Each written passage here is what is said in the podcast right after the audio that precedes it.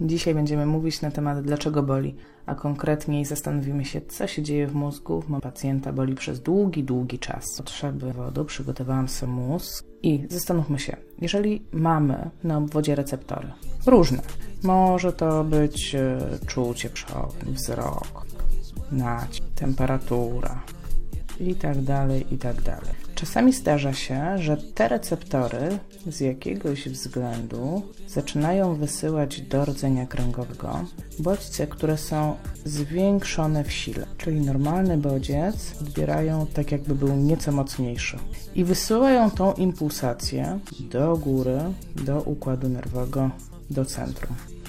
Pytanie brzmi, dlaczego tak się dzieje? Co się dzieje, że receptory potrafią się w jakiś sposób uwrażliwić? I problem jest taki, że do końca nie wiemy, ale podejrzewamy, że może to być na, na przykład urazu, jakiejś choroby, e, jakichś na przykład nawykowych urazów. E, może to być też na skutek e, operacji. To są teorie. Nikt do końca nie wie, dlaczego tak się dzieje. Podejrzewamy, że tego typu czynniki uu, potrafią wpłynąć na receptory tak, aby te wysyłały zbyt silny bodziec do mózgu. I teraz co się dzieje, jeżeli mózg przez długi czas dostaje bodźce, które są zwiększone w sile? W korze czuciowej pojawia się zwiększona wrażliwość na te bodźce. Ona zaczyna być pobudzona, taka uwrażliwiona. To jest właśnie ta sensytyzacja, które, której ciężko mi przetłumaczyć język polski. Uwrażliwienie na bodźce. I teraz kora jest odpowiedzialna za poszczególne regiony ciała. I w związku z tym ta pobudzona kora zaczyna wysyłać sygnały w drugą stronę i oprócz bólu, który już był wcześniej, zaczynają się pojawiać jakieś takie objawy stowarzyszone typu e, męczliwość, mm, wrażliwość, i ta wrażliwość może być różnego rodzaju, na przykład e, na dotyk,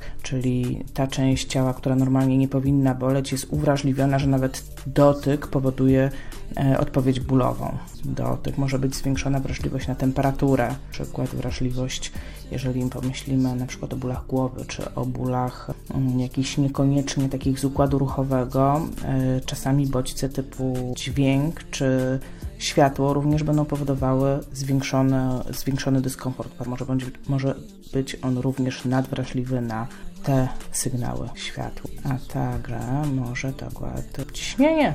Takie zwykłe, co mówimy, o, jestem meteoropatą, więc jestem. Oprócz tej wrażliwości, pacjent może odczuwać takie niespecyficzne objawy, typu na przykład objawy ze strony układu pokarmowego.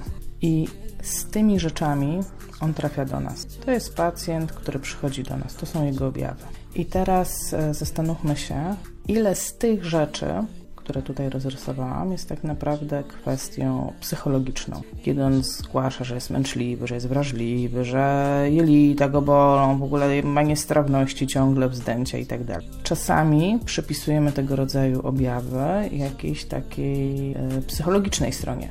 A zobaczcie, że tak naprawdę nie ma tutaj żadnego czynnika logicznego, czysta fizjologia. Pobudzone receptory wysyłają zbyt mocny bodziec do mózgu i mózg w odpowiedzi na ten bodziec generuje tego typu. I teraz co się dzieje? Co ten pacjent, który ma taką plejadę objawów, co on robi? Co on robi? On szuka pomocy. I jak szuka pomocy, to trafia do różnego rodzaju specjalistów. Są takie cztery główne reakcje, które będzie stosował pacjent, który długotrwale cierpi na drogi. Pierwsza to będzie chemia. On zacznie się leczyć i zacznie przyjmować bardzo dużo różnych środków. Przeciwbólowe, przeciwdepresyjne, poprawiające nastrój, poprawiające pamięć, poprawiające działanie układu pokarmowego.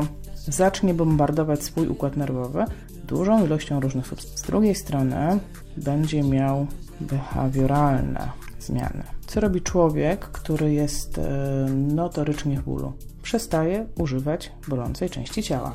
Jeżeli nie używa, no to e, ona boli jeszcze bardziej. Zamyka się w błędnym kole bólu. E, może się zdarzyć jeszcze ciekawiej taki syndrom, gdzie kiedy go boli, to nie robi nic, ale jak tylko przestaje boleć, to robi tak dużo, że wiadomo, że się przeciąży. Więc oba podejścia są no, mało skuteczne, jeżeli chodzi o wyleczenie dolegliwości bólowych, chronicznego bólu. Ze względu na to, że nie używa danych części ciała, fizycznie staje się mało wydolny. Jego ciało przestaje być gotowe na przenoszenie obciążeń, nawet związanych z życiem. I to wszystko dopełnia całości psychologia, zmiany psychologiczne. Jeżeli ciągle cię boli, masz ciągle obniżony napój. W związku z tym uważasz, że życie jest beznadziejne. Te cztery rzeczy są to rzeczy, na które w jakimś stopniu mamy wpływ. My, fizjo. I poprzez te cztery rzeczy jesteśmy w stanie modulować to, co się dzieje tutaj, w nadziei, że zreduku zredukują się objawy, z którymi przyszedł do nas pacjent. Jak to zrobić?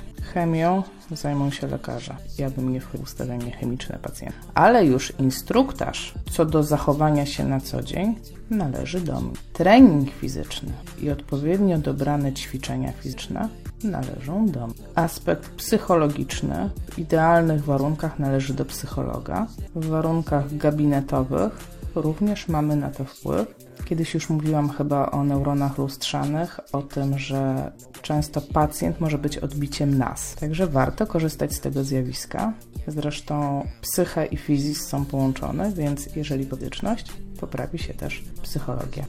Jestem bardzo ciekawa, czy wcześniej rozpatrywałeś problem bólu chronicznego u pacjenta przez pryzmat takiego mechanizmu. Daj mi znać w komentarzu, e, jak pracujesz z pacjentami chronicznymi, bólowymi.